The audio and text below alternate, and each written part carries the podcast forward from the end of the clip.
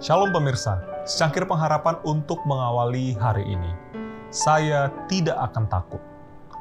Tuhan adalah terangku dan keselamatanku.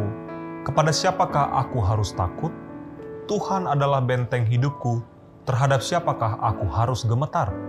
Mazmur 27 ayat 1. Mereka yang akhirnya menang akan mengalami masa kebingungan dan pencobaan yang dahsyat dalam hidup keagamaan namun tidak harus melepaskan keyakinan mereka karena ini adalah bagian disiplin sekolah Kristus dan penting untuk membersihkan semua kotoran. Hamba Allah harus dengan ketetapan hati melawan serangan-serangan musuh, ejekan-ejekan yang memilukan, dan menaklukkan rintangan-rintangan yang akan diletakkan setan pada jalannya.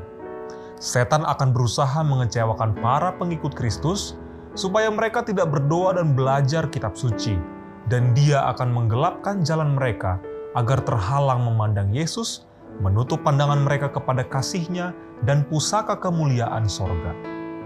Adalah kesukaannya untuk menjadikan anak-anak Allah merasa ciut, gemetar, selalu sakit dan di bawah rasa bimbang yang berkepanjangan. Ia berupaya membuat jalan kita sesedih mungkin, tetapi jika Anda menengadah ke atas, tidak memandang pada kesukaran-kesukaran itu, anda tidak akan pingsan di tengah jalan.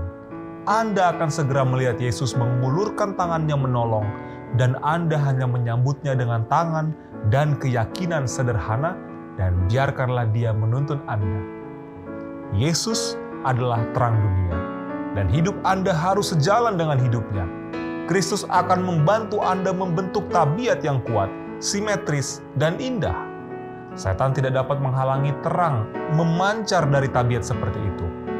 Tuhan punya pekerjaan bagi kita masing-masing untuk dilakukan.